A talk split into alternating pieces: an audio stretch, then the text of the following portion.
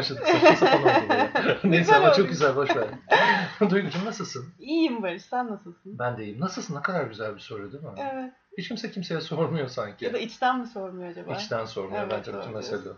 Aynen o yüzden. Genelde çok kalıp iyiyiz diyoruz ama gerçekten nasıl hissediyoruz acaba? Yok, yani evet aslında hiçbirimiz çok da iyi hissetmiyoruz ama iyi izliyoruz işte. Ama Peki sen gerçekten ne hissediyorsun? İyiyim. Ha. Yani çünkü yan yana yapıyoruz podcast'ı. Bence harika bir motivasyon şu an. Ya bu gerçek dışı. Ben gerçekten senin hep İskoçya'da olduğunu düşünüyorum. Nedenini bilmediğim bir şekilde. Buradayken de. Evet buradayken de yani şimdi değil tabii ama buradayken sürekli seyahat halindesin. Gene bir Evet. Adana'ya gittin. Evet. Yani ne yapıyorsun sen? Adana'da ne yaptın Allah aşkına? Valla çok yakın bir arkadaşımın nişanı vardı. Ee, güzel bir mi? düğün tadında geçti. Güzeldi. Baya çok güzel. Eğlendik. Gözlerim başka şeyler söylüyor gibi ama sanki bunu podcast'a aktaramıyormuşuz. Hissi uyandı içimde. yok yok Ha. güzeldi hakikaten. Yani e, işte diyorum ya böyle inanılmaz enerjik, eğlenceli insanlarla birlikte düğün tadı kıvamında geçti. Güzel. Şimdi benim meselem şu. Sen böyle gezip duruyorsun ya. Buralardan da besleniyorsundur diye tahmin ediyorum. Hmm. Yani pek çok Hmm. açıdan. Hem entelektüel açıdan hem insani açıdan. Ne Evet. kaldı sana Adana'da? Kalan şey ne? Adana'dan mı? Hı hı. Hmm. Yani kebap falan. Yediklerini orada bırak rica ediyorum. Başka ne kaldı? Yani şimdi genel geçer bir şey söylemiş olacağım. Ha. Bu belki çok bir şey olmayacak bilmiyorum. Söyle söyle. Ama e, şeyi çok sevdim. İletişim tarzlarını. Yani inanılmaz enerjik. Gerçekten. Evet. Ha. e, değişik bir hani iletişim tarzı var. Ben Bu arada ben de Evet. gerçekten mi diye sorarken sanki böyle şaşırma. şaşırma. Gerçekten mi? Gerçekten şaşırıyorum. Yok o, o tarafın insanı öyle zaten. Hı hı. Ciddi güzel enerjileri var Evet. ve bir de bunu yansıtıyorlar. Evet. Yani yansıtmayı Evet. da beceriyorlar. O en güzel tarafı bence. Evet, yani içinde neyse dışında da o. Evet evet. İnsanlar ve o çok hoşuma gitti. Kesinlikle. Yani öyle bir transparan hı. durum söz Evet. konusu. Evet. Ee, herkesi genellemeyelim tabii ama Hı hı, öyle. evet. Yani o zaman iyisin. Hı hı. E ben de fena değilim. ya ben hep iyiyim ya. Böyle enteresan bir insanım ben yani. Güzel. Öyle hissediyorsan. Şeyden bahsediyorsun değil mi? Yani böyle stres faktörleri de var ama ona rağmen kendimi iyi tutmayı başarıyorum mu diyorsun? Aslında aynen öyle söylüyorum. Ya bir de bu aralar benim yaptığım şeyler yüzünden de olabilir. Yani işte biliyorsun şu an 47 yaşında ne akla hizmet yeniden yüksek lisansa başladığım için dünyayı gezerken müze geziyordum ara ara. Ve dedim ki ya neden ben akademik bir bilgiye sahip değilim? Yani neden ben müze gezerken aslında akademik bilgiyle yaklaşmıyorum bütün bu nesnelere ya da işte bu sunumlara, e, bu müzeleri neden o taraftan, o bakış açısıyla gezmiyorum diye düşündüğüm için e, işte disiplinler arası müze e, eğitimi bölümüne giriverdim yüksek lisansta. Harika. Ha. Bu arada müze geziyorsun zaten. Çok fazla Ankara'ya müze geziyorum. Yani Ankara'ya gittim, Eskişehir'e gittim. 23 yıl sonra diplomamı aldım. Ha, sana göstereyim mi? Hemen göstereyim. 20 sonra- yıl sonra aldım diplomayı evet, göstereceğim. Evet işte Aa. böyle. Bak. Harika. Ha, sen de var mı musun var? ben ilk mezun olduktan sonra aldım. Benimki kocaman bir şey biliyor musun? Benimkisi bu kadar. Taşınmıyor yani. Hayır taşınmaz. Sizinkisi bir çeşit tablo herhalde anladığım kadarıyla. Bizde böyle mühürü var. Evet, Ondan evet, sonra harika. işte lisans diploması falan yazıyor. Böyle enteresan yani. Aha. Ama e, mesele şu, yani şaka bir yana, e, Eskişehir'de çok fena duygulandım. Hmm. Yani Yıllar sonra gidince. evet, Hı. yani gerçekten çok duygulandım. Yani bunu samimiyetle söylüyorum. Hı hı, E, böyle yani duygulanmanın her boyutunu yaşadım diyebilirim. hı hı. Çünkü 4 yıl aynı evde yaşamıştım ben Eskişehir'de ve e, yani çeşit geldiğim çeşit gelgitler yaşadım. Hı hı. Ee, yaşadığım evi ziyaret ettim. O sokağı gezdim falan filan. Yani çok e, derin bir yerlerde böyle kırılmalar yaşadım sana söyleyeyim. Bana çok iyi geldi ama. Hmm, Onu söyleyecektim. Nasıl geldi? bize? Çok iyi geldi. Yani şöyle fark ettim ki aslında Eskişehir'de okuduğum için çok mutluyum. Yani hı. Eskişehir benim e, kültürlenmemde de bana çok yardımcı oldu Hı. açıkçası ve e, çok ciddi islenmeler yaşadım. Hmm. E, çok da iyi geldi bu islenmeler ama. Hı. Hani hep o yolculuklardan bahsediyoruz ya. Evet. Bütün o yaşadıklarım gerçekten böyle teker teker gözümün önünden geçti. Güzeldi. Ya bana kalan o güzellik aslında. Sonra tabii İstanbul'a geri geldim. Yeniden müze geziyorum. Durmadan müze geziyorum bu aralar. Neyse, müzeleri istersen bir kenara bırakalım. Ne dersin? Benim de çok e, etkilendiğim bir konu. Aslında o yüzden de keyifle dinliyorum seni. E, Sağ ol. müzeler konusunu. E, eminim hani orada çocuk konuşulacak konu var. Bizim konumuz da seyahat ve aşk olduğu için Aynen e, öyle. biraz oradan da bahsetmek iyi geldi. E, çünkü sen bu ara seyahat halindesin zaten. Ya sürekli seyahat halindeyim Evet. Ben müze gezdiğim için sürekli seyahat halindeyim Hı hı. ama şu sıra tabii ben ülke içinde geziyorum. Hı hı. Ama neyse ki ülke dışında zamanında e, çeşitli Hı hı. müzeleri gezme fırsatım olmuş. Evet. Ve şu anki bilgimle, şu anki bilincimle yani hani artık müzeyle, müzecilikle, müze eğitimiyle ilgili olan bilgilerimi de e, kullanabiliyorum. Onların fotoğraflarını hani çektiğim fotoğraflara teker teker baktığım zaman. Peki şimdi nasıl olur acaba? Şu donanımla tekrar aynı müzeleri gezmek.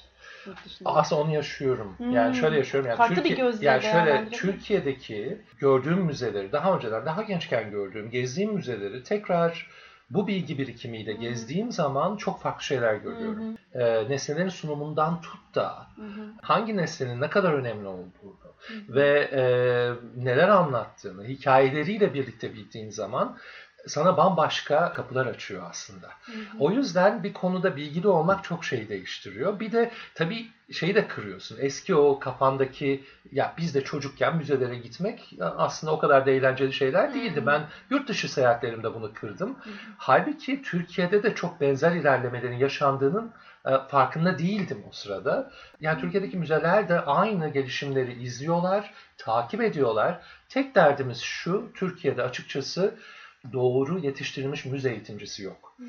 Bu yüzden de büyük problemler yaşanıyor. Çünkü müzeyi hala aktarmakta, yani müze kavramını aktarmakta ve topluluklara ulaştırmakla ilgili sorunlar yaşıyoruz.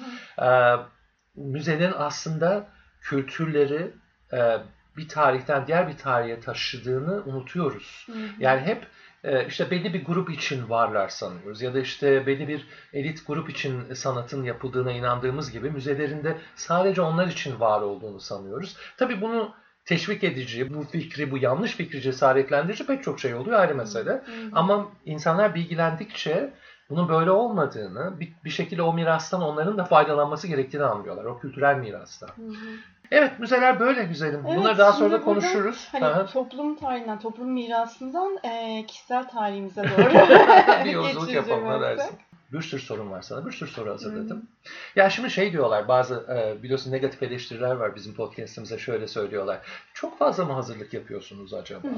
Ondan sonra değil mi böyle Evet. söyleyenler oldu. Evet. Ki aslında bence haklılar da belli oranlarda. Bazen gerçekten hazırlık yapıyoruz. Hı hı. Bunun nedeni de şu, yani yanlış bir bilgi aktarmak istemiyoruz. Yoksa biz zaten bıraksanız burada saatlerce konuşabiliriz. Ee, evet, bunu da itiraf edelim. Hazırlanıyoruz. Evet, Doğru evet, mu? Aynen öyle. Çünkü e, bunun arkasında da bir çalışma var elbette. E, hem teknik anlamda Hı hem de bilgi donanımı anlamında. E, elbette ki hani çok samimi bir sohbet gerçekleştiriyoruz her zaman. Bunu da paylaşmak istiyoruz. evet. E, ama hani dediğin gibi hani yanlış bir e, noktaya değinmeyelim, yanlış bir şey söylemeyelim e, paylaşırken. O yüzden de bir altyapı çalışması var bunun Evet, arkasında. evet. Yani tabii ki bir takım e, teknik meseleleri de daha detaylı bilmemiz gerekiyor insanlara aktarabilmemiz için. O zaman ben, var ya elimde bir sürü soru var şu an. Sorulardan başlayacağım. Hadi başlayalım. Başlayalım mı? Ben Başlayalım. soracağım o zaman. Tamam mı? Ha- tamam. Hazır mısın? Tamam.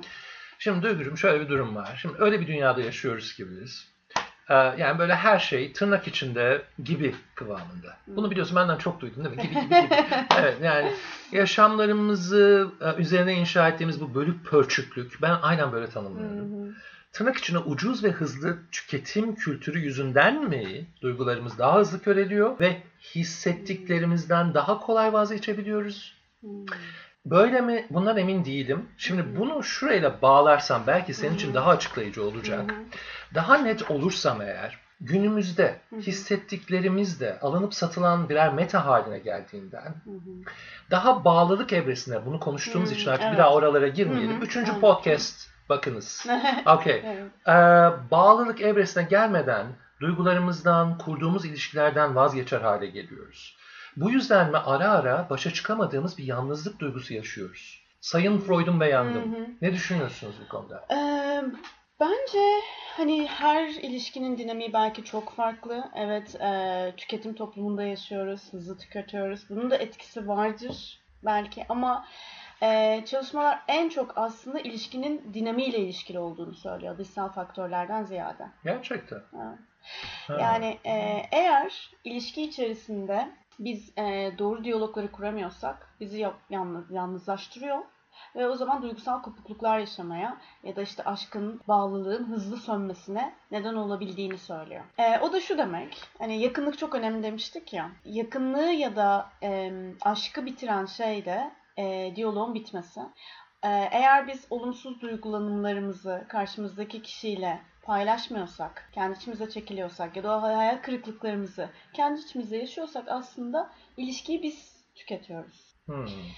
Ee, Peki bu arada şöyle bir şey sorabilir miyim? Yani aslında vaktimiz de yok mu hissedeceklerimizi değerlendirecek kadar? Hmm, Yani ben birazcık da öyle sanki Hmm. zamanımız yokmuş gibi yaşıyoruz ya. Bu hızın içerisinde hmm, herhangi bir şeye karşı bir şey beslemeyi bırak, hissettiklerimizin bile farkında olmadığımızı düşünüyorum. Yanılıyor muyum ben? hı hı. Yok Yani- çok mu pesimistim acaba? Yok, Bilmiyorum o- ki. Telaş içerisinde bir önceliklendirme sırası içerisinde belki kendimiz daha arka sıralarda geliyoruz Barış. Onun Hmm. etkisi olabilir. Yani iş öncelik kazanıyor, e, işte farklı ilişkiler kazanıyor, maddi kaygılar belki e, öncelikle üst sıralara çıkıyor. Dolayısıyla kendimizle ilgilenmek ve kendimize şu soruları sormak. Ben şu anda ne hissediyorum, neye ihtiyacım var?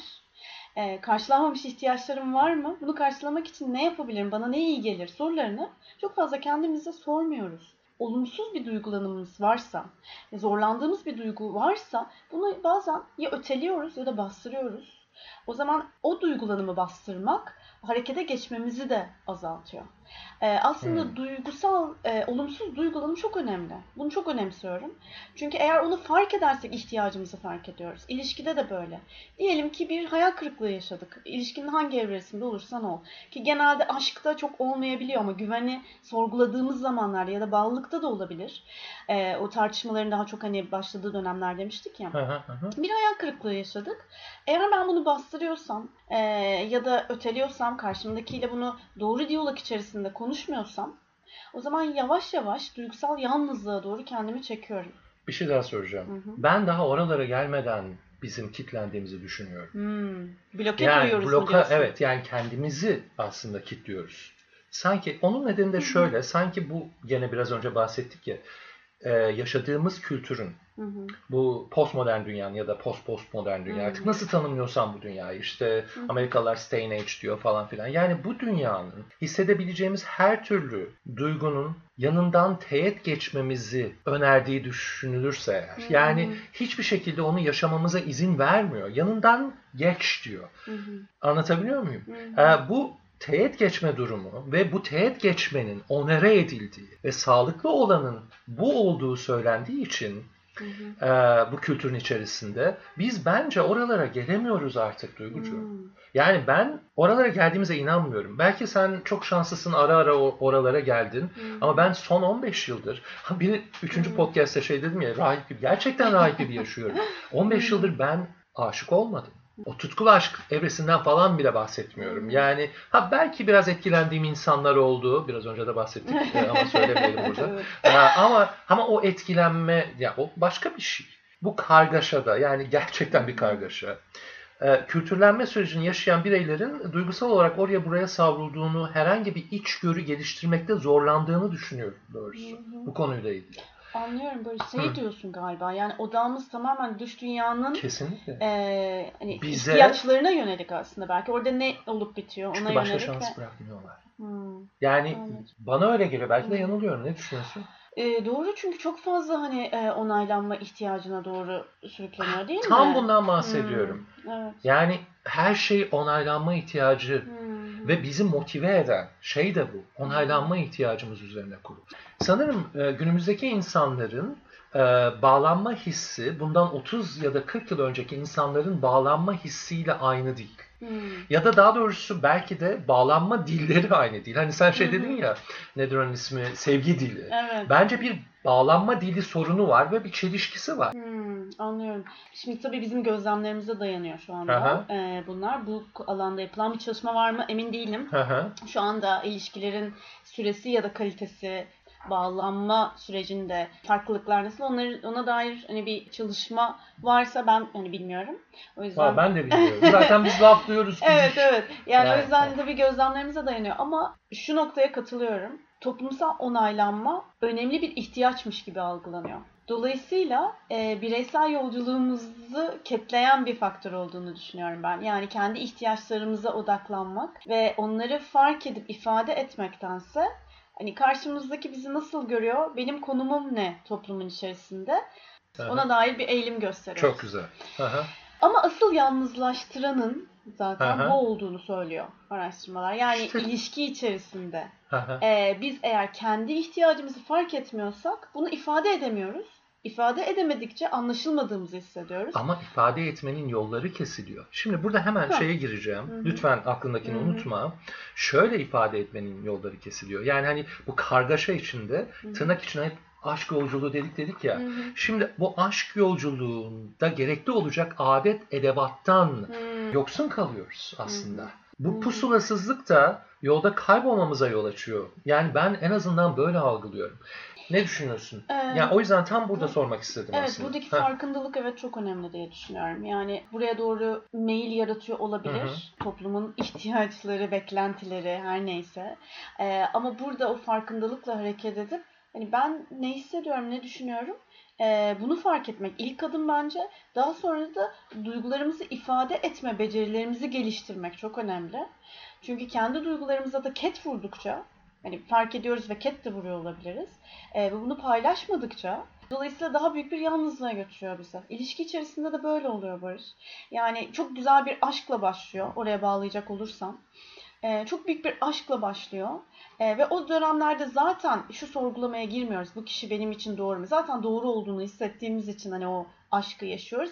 Ee, bir süre sonra sorgulamaya başladığımız zamanlarda işte o güvenin sorgulaması aş- aşamasına giriyoruz. Orada da çok yoğun duygular içerisinde de bunu sorguluyor olabiliriz zaten güven aşamasında da.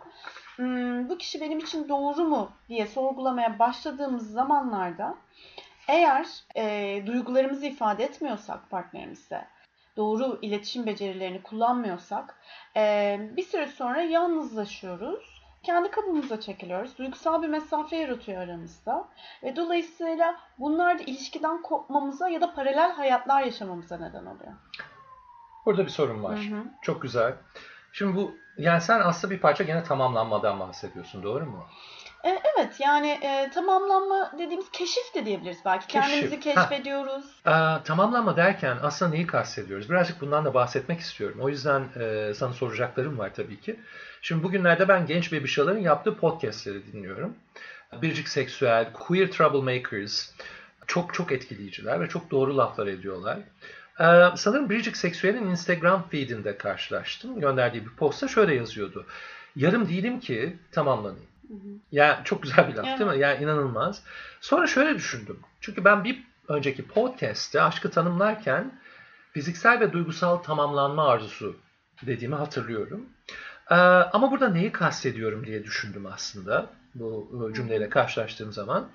Bir başka insanla ya da insanlarla bir bütün olacağımızı mı kastediyorum? Olmamız gerektiğini mi kastediyorum? Yoksa şimdi karşımızdakine duyduğumuz hisler yüzünden kendimize olan hem fiziksel hem de duygusal farkındalığımızın artmasını mı kastediyorum acaba?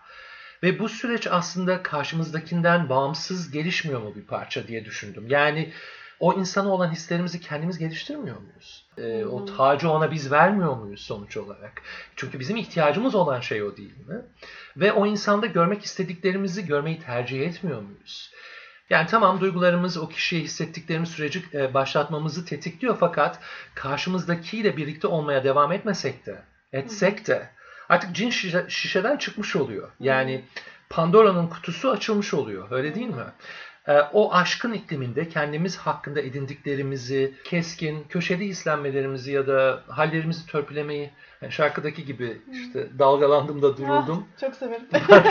ben de severim bu arada. Aa, Dalgalanmalarımızın durulmasını sağlamıyor. Yani kısaca tamamlanma e, bir başkasıyla bütün olmaktan çok görünmeyen böyle hani kuytuda kalmış taraflarımızı hı hı. Fark etmeyi ve hayatın içinde bu fark ettiklerimizi işler hale getirmeyi ve sonucunda da bundan haz duymayı tarif etmiyor mu aslında? Ne kadar güzel ifade ettin. Gerçekten bence de böyle. İlk podcast'te şey demiştik ya yani bu hani aşk konusunu konuştuğumuz podcast'te e, ayna görevi görüyor demiştik karşımızdaki kişi. E, gerçekten de gölgede kalan taraflarımızla karşılaşmamıza yardımcı oluyor ilişkide olduğumuz kişi. Ve aslında orada dediğin gibi tamamlanma derken onu kastediyoruz muhtemelen. Belki öyle bir his yaratıyor. O yüzden de ağzımızdan çıkan kelime belki tamamlanma oluyor. Çünkü kendi içimizde, kendi taraflarımızla karşılaşmak, yüzleşmek, keşfetmek ve tamamlanmak. Ama aslında çok e, büyük bir keşif. Karşımızdaki kişinin de özellikleri, gördüğümüz şeyler tetiklenmeler yaratıyor o yüzden.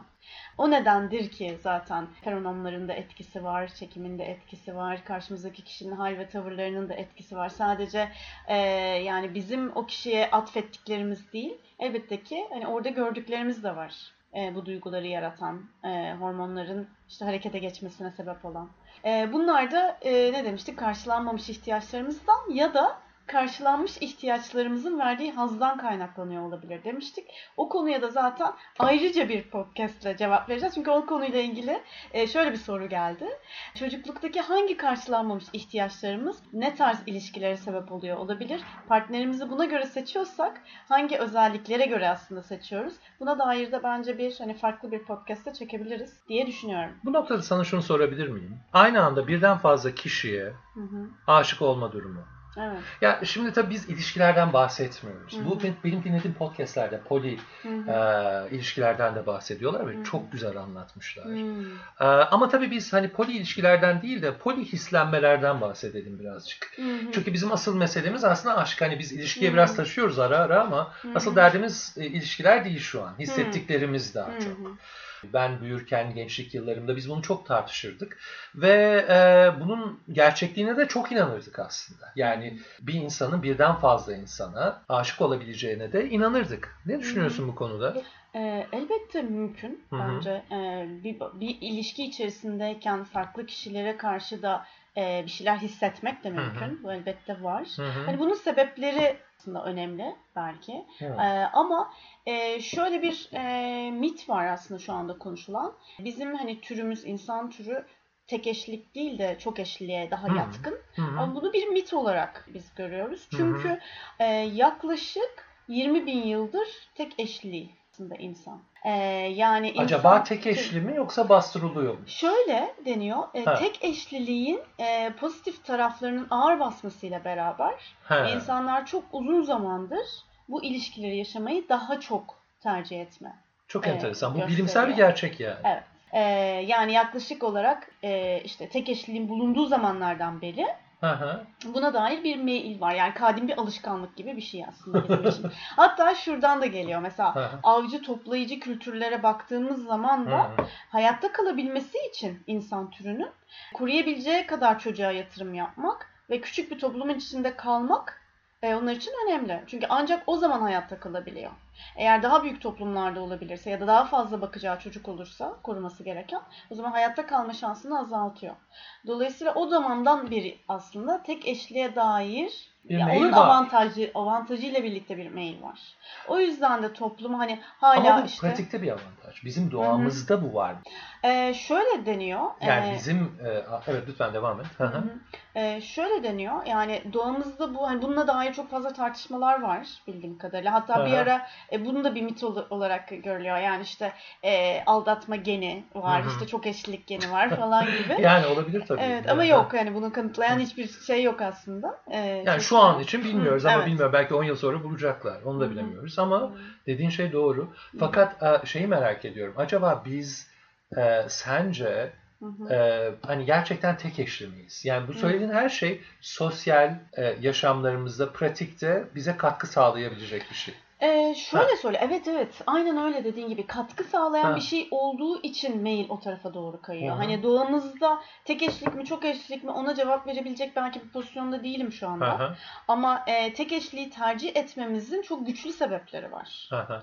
Mesela daha uzun yaşam süresi sağlıyor. Yaklaşık araştırma 10 yıl kadar daha fazla uzun yaşadığını gösteriyor tek eşlik. olamaz. Evet. E, Ee, fiziksel sağlığın daha iyi ve hastalandığında ya da herhangi bir şeyde iyileşme süren daha uzun. hı hı. Ve o kişilerin eğer çocuk sahibi olurlarsa daha başarılı hale geliyorlarmış. Ve korku sırasında e, beyin reaksiyonları daha rahat tepki veriyor. Bence burası çok önemli. Çok özür Çünkü şöyle- Bir daha bir daha bir daha söyle. E, korku anlarında Evet.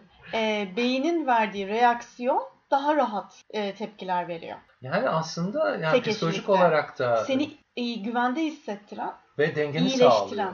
Evet, Evet. Çok enteresan. Çok eşlik sırasında çünkü muhtemelen e, bu bağlanmayı ve güvende olmayı ketleyen bir özellik taşıyor. Ama zaten çok eşli insanlar sence de aslında o bağlanma evresinde olmak istemiyor olamazlar mı? Evet. Yani Bu- belki onları tatmin eden ve mutlu Hı hı. eden kısım zaten o. Yani Hı hı. onlar belki de o güvenliği de istemiyorlar. Yani hani güvende olma duygusu da onları e, Evet, onlara yani- iyi gelen bir şey değil ve rahatsız ediyor.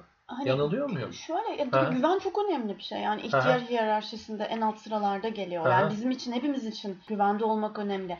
Ama e, hani şey dedik ya ilişkiyi yaşama biçimimiz çok farklı ve bu bir tercih elbette. Hı. Yani o ilişki içerisinde çok eşli olmak iyi geliyorsa ve bizim bağlanma stillerimize iyi geliyorsa bunda herhangi bir problem yok. Kesinlikle. Ama o ilişki içerisinde tabii şuraya kayıyor belki birazcık konu Ha. anlaşma, ilişki anlaşmasına sadık kalınmıyorsa çok eşlilik orada da başka bir durum yaratıyor. Yani şöyle söyleyeyim. Yani partnerle yaptığın anlaşma, ilişki anlaşmasında eğer çok eşlilik yoksa Aha. ve eğer e, bir üçüncü partner işin içine girmişse o zaman biz buna aldatma diyoruz zaten. Anladım. Yani Ama partnerin ha, evet, devam et sen bu Partner- aldatmaya bir gir. Hı Evet, hı. partner partner dışında biriyle fiziksel ya da duygusal etkileşim aradaki sözleşmeyi e, ihlal ediyorsa e, evet orada o zaman bir aldatma durumu var ve güvende olmama durumu var. Şimdi şuradan bahsetmiyoruz tabii. Şimdi bazı insanlar poli ilişkileri tercih Hı hı. ediyorlar. O ilişkiler içerisinde mutlular. Hı hı. Artık e, aşkın hangi evrelerini yaşıyorlarsa Hı hı. tamamıyla onlarla ilgili ama Evet. hepsi sonuçta bunun farkında. E, isimlendirseler de isimlendirmeseler de Evet. o ilişkinin nasıl bir dinamiği olduğunu farkındalar ve o dinamik onlara huzur veriyor. Evet. E, sorun yok ya da açık Evet. ilişkiler. Tabii açık ilişkiyle poli ilişki aynı şey değil. Hı hı. Ayrı meseleler. Hı hı. Ama biz bunları bir tarafa bırakıyoruz. Evet. Açık ilişkide sonuçta iki tarafta ne istediğini biliyor, nasıl bir ilişkiyi tercih ettiğini biliyorlar. Ee, bu ilişkiler farklı türde ilişkiler. Ama senin bahsettiğin tabii birinin yani partnerlerden birinin aslında bu e, anlaşmayı bozuyor olması. Hı hı. Doğru mu? Evet. Duygucuğum o zaman e, hani aldatma meselesine de birazcık başlamış olduk. Hı hı. Daha ileriki podcastlerimizde belki aldatma kavramından Hmm. da daha detaylı bahsederiz. Ne dersin? Evet. Şimdi şöyle bir şey yapalım. Biz poli hislenmelerimize bir dönelim. Hı hı. O zaman ben şu sorumu Hı hı. şöyle toparlarsam. Sen dedin ki bütün bu teknik açıklamalar sonucunda aslında e, sosyal hayatta tek eşliliğin Daha kesinlikle iyi geldiği. hissettirdiğini gösteriyor. çalışmalar. Ya ama işte biz gençken falan buna pek inanmazdık. Yani insanların asla tek bir kişiyle e, uzun süreli yaşantılar sürdürebileceğine inanmıyorduk. Çünkü hani beslenmekle ilgili bir şey ya aslında ilişki. Yani şöyle bir şey sorayım o zaman sana Duygucuğum buradan. E, Birine tutkulu aşk kıvamında bir şeyler hissederken bir başkasıyla bağlılık evresinde olup ikisinden de vazgeçmemek isteyebilir miyiz sence? Tabii. Çok mümkün. Bence mümkün. Mümkün, yani çok çok, mümkün. mümkün, ya. Ee, Evet. Ama şuraya belki dikkat çekmek gerekebilir Barış. Çünkü biz bağlılığı nasıl açıklıyoruz? Bağlılık hani sözleşme yaptığımız yer ya Hı. ilişkide. Ee, yani artık hani o güven testlerinden geçmiş ve ben evet bu kişiyle artık olmak istiyorum. Yani ben hem kendim gibiyim bu kişinin yanında Aha. hem de o beni düşerse kaldırır ben de onun iyi gününde kötü gününde yanındayım dediğiniz bir yer aslında bağlılık. Hani sadece sadakatin olduğu bir yer değil. Yani her anlamda güvende hissettiğimiz ve bağlandığımız yer. Hani şimdi burada başka bir partner ilişkimizi çek, e, ilgimizi çekiyorsa, aşk hissediyorsak bunlar çok mümkün şeyler. Hani orada beni şunu da düşünmeye itebilir. Bağlılık evresinde işler nasıl gidiyor ilişkide? Ee, yalnız hissettiğimiz zamanlar oluyor mu ilişkide? Ee, ve bizi herhangi bir paralel hayata yaşamaya iten bazı sebeplerimiz var mı? Hmm. Çünkü hani mesela bunların sebeplerinden bir tanesinin şu olmadığını biliyoruz. Hani cinselliğin azalması başka bir kişiye aşık olmamız için bir sebep değil. Ee, ya da e, ilişkide... Bunu kesinlikle biliyor muyuz? Evet biliyoruz. Hmm. Yani bu hani şu anda yapılan araştırmalar bunu gösteriyor. Onunla bir ilişkisi olmadığını. O zaman daha çok güven evresinde çatırdamalarla ilgili bir şey mi bu aslında? Ya da Var bağlı olamadığımızı hissettiğimiz için mi acaba o ilişkide? Ee, evet yani şunu biliyoruz aslında yakınlık azaldıkça Hmm. farklı ilişkilere mail etme, e, oradaki temasa daha fazla ihtiyaç duyuyoruz. Onu gösteriyor araştırmalar. Hmm. Yani yakınlığın azalması e, güven hissine bir tehdit.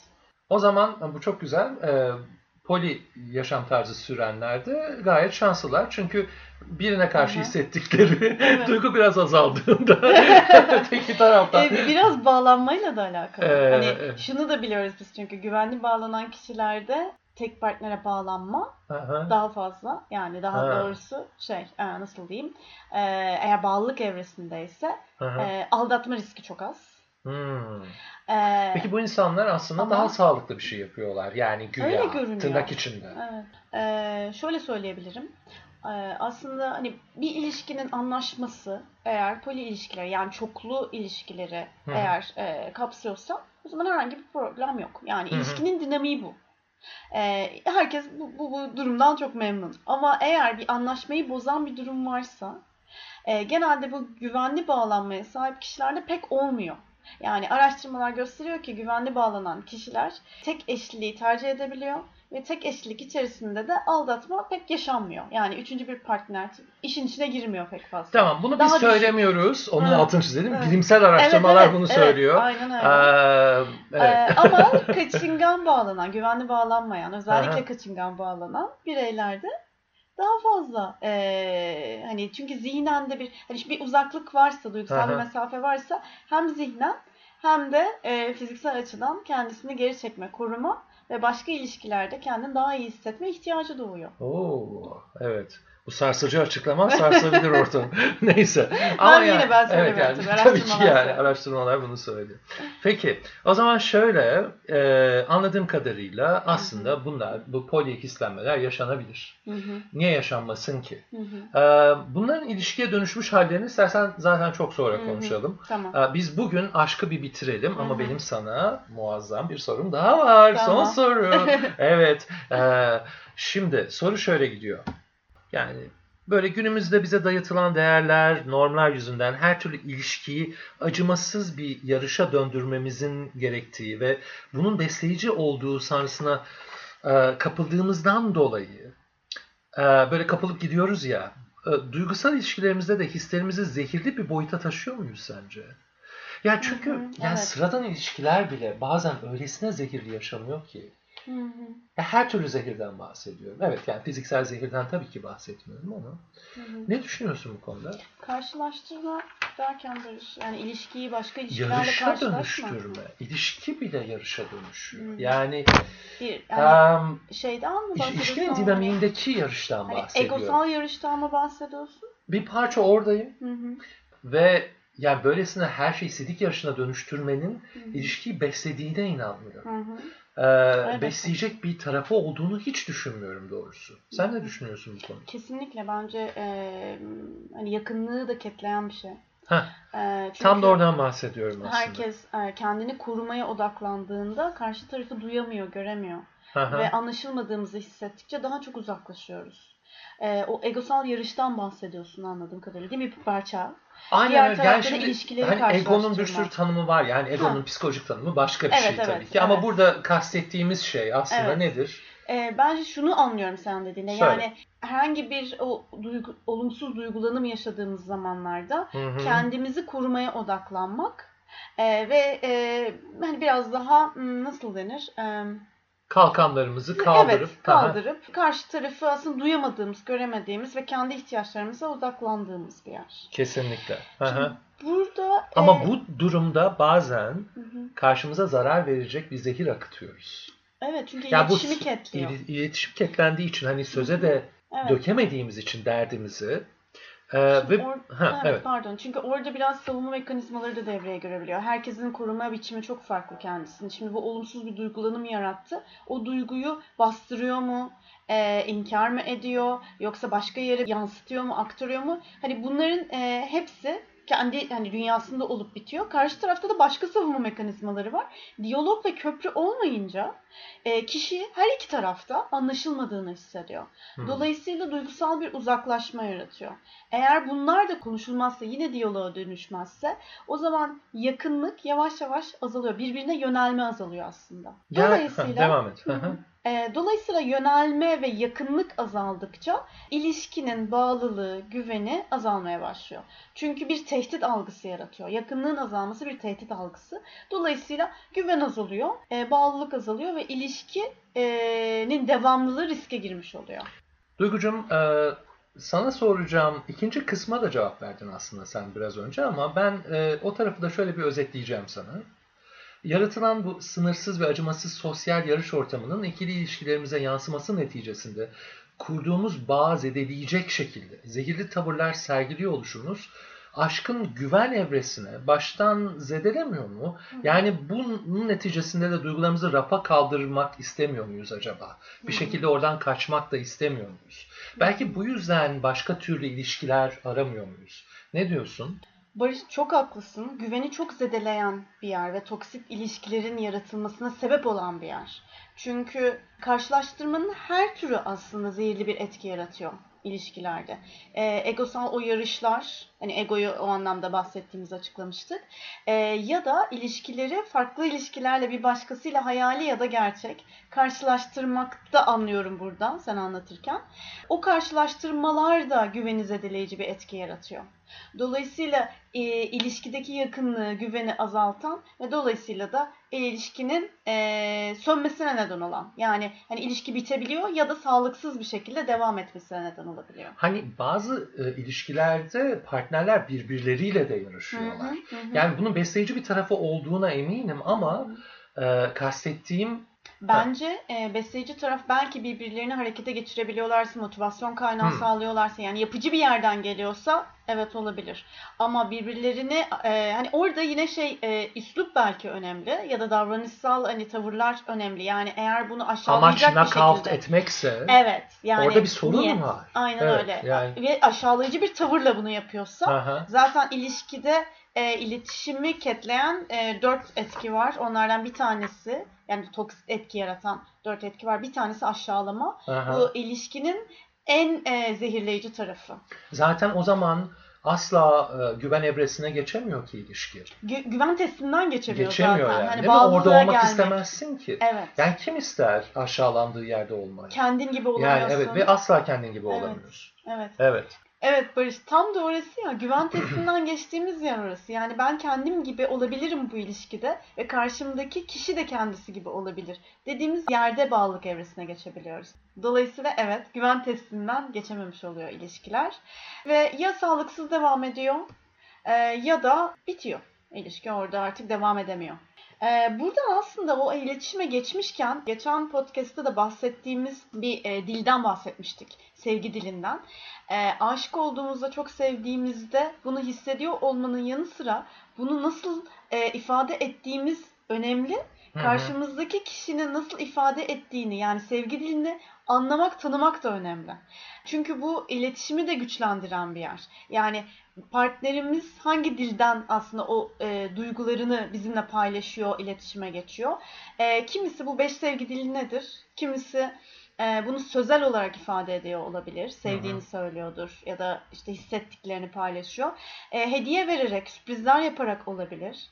Takdir sözcükleri kullanıyor olabilir. E, zaman ayırmak, bakım vermek, birlikte vakit geçirmek şeklinde davranışsal olarak ifade ediyor olabilir. E, ya da temasla, fiziksel bir temasla ifade ediyor olabilir. Hani birkaç dili birden kullanıyor da olabilir ama örneğin ben e, sevgimi sana sözel ifade ederek yapıyorsam ama senin e, ifade şeklin çok farklıysa bu demek değil ki sen beni sevmiyorsun. Bazen böyle bir yanılgıya dönüştürüyor. Örneğin sen belki sürprizler yaparak sevgini ifade edebiliyorsundur ancak. Hı hı, hı. E, partnerin dilini de anlamak ve oradan da duymaya çalışmak çok önemli. Çünkü iletişimdeki yakınlığı arttıran bir yer burası. Hı hı. O yüzden de bahsetmek istemiştik. Biraz bu sevgi dilini açalım. Dikkati de buraya doğru kaydırmak belki. Hani partnerim hangi dilden ifade ediyor'ya doğru kaydırmak da önemli olabilir. Çok önemli bence de kesinlikle. Mesela şöyle olabilir. Karşımızdaki kişinin sevgi dilini bilmediğimizde, anlamadığımızda beklentiye giriyoruz ve beklentiler karşılanmadığında da kendimizi e, değersiz hissediyoruz. Ama e, partnerimizin sevgi dilini anladığımızda aslında sevgiyi nasıl cömertçe paylaştığını fark ettiğimizde işler değişiyor. O zaman Duygucuğum, e, aşk hakkında söylenebilecek hemen hemen her şeyi söyledik. İstersen burada biraz toparlayalım. Tamam. E, aşkın hemen hemen her boyutundan da bahsettik. Nasıl Hı hı. geliştiğinden, evrelerinden, bizim neler hissettiğimizden. E, zaten podcastimiz de inanılmayacak derecede uzun oldu. Umarım dinleyicisi çıkar. Bu da hiç emin Biz değilim. her zamanki Evet. gibi çok keyif aldık. Evet. Umarım dinleyenler de e, bu keyfi bizimle paylaşırlar. Aynen öyle. Bu arada şey de söyleyelim. Sezgin ve İlker'in yaptığı yine yeni, yeniden 90'lar e, müzik podcast'in aldığı ödülü tebrik ediyoruz. Evet, Hak et- harika. harika Çok bir ödül sevindik. aldılar ve biz çok sevindik. E, kendilerini tebrik ediyoruz. Music makes the people evet, come together. evet sonra bundan sonraki bölümümüzde sen belki gene Türkiye'de olmayacaksın diye biliyorum. Evet. E, belli de olmaz. Belki de olursun. Sürpriz. Sürpriz. Bakalım. Evet ama biz sürprizleri böyle her saniye sürpriz yapamayız. Zaten 30 kişilik kitlemizi bu kadar şoka sokamayız. Yapma bunu. Olsun kendi aramızda sohbet ediyoruz. Aynen işte. öyle. Ya bu arada gerçekten nasıl kapılıyorsak bazen sohbete Evet. cidden unutuyoruz yani Evet. bir takım şeyleri. Her Aynen. neyse eğer sen İskoçya'da olursan gene internet üzerinden sohbetlerimize devam edeceğiz. Bizi dinleyenlere çok teşekkür ediyoruz. Bize ulaşabilirler. Ulaşmanın metodlarını biliyorlarsa. İsterlerse e, Instagram üzerinden bize ulaşabilirler, DM atabilirler. Soruları varsa sorularını cevaplayabiliriz. Lütfen bizi Instagram'da da takip edin. Evet, kuzenler laf diye e, search ettiğinizde Karşınıza çıkıyor. E, böyle güzel güzel postlarda gönderiyoruz. Hı hı. O zaman hepinize tekrar teşekkürler. Hoşçakalın. Görüşmek üzere.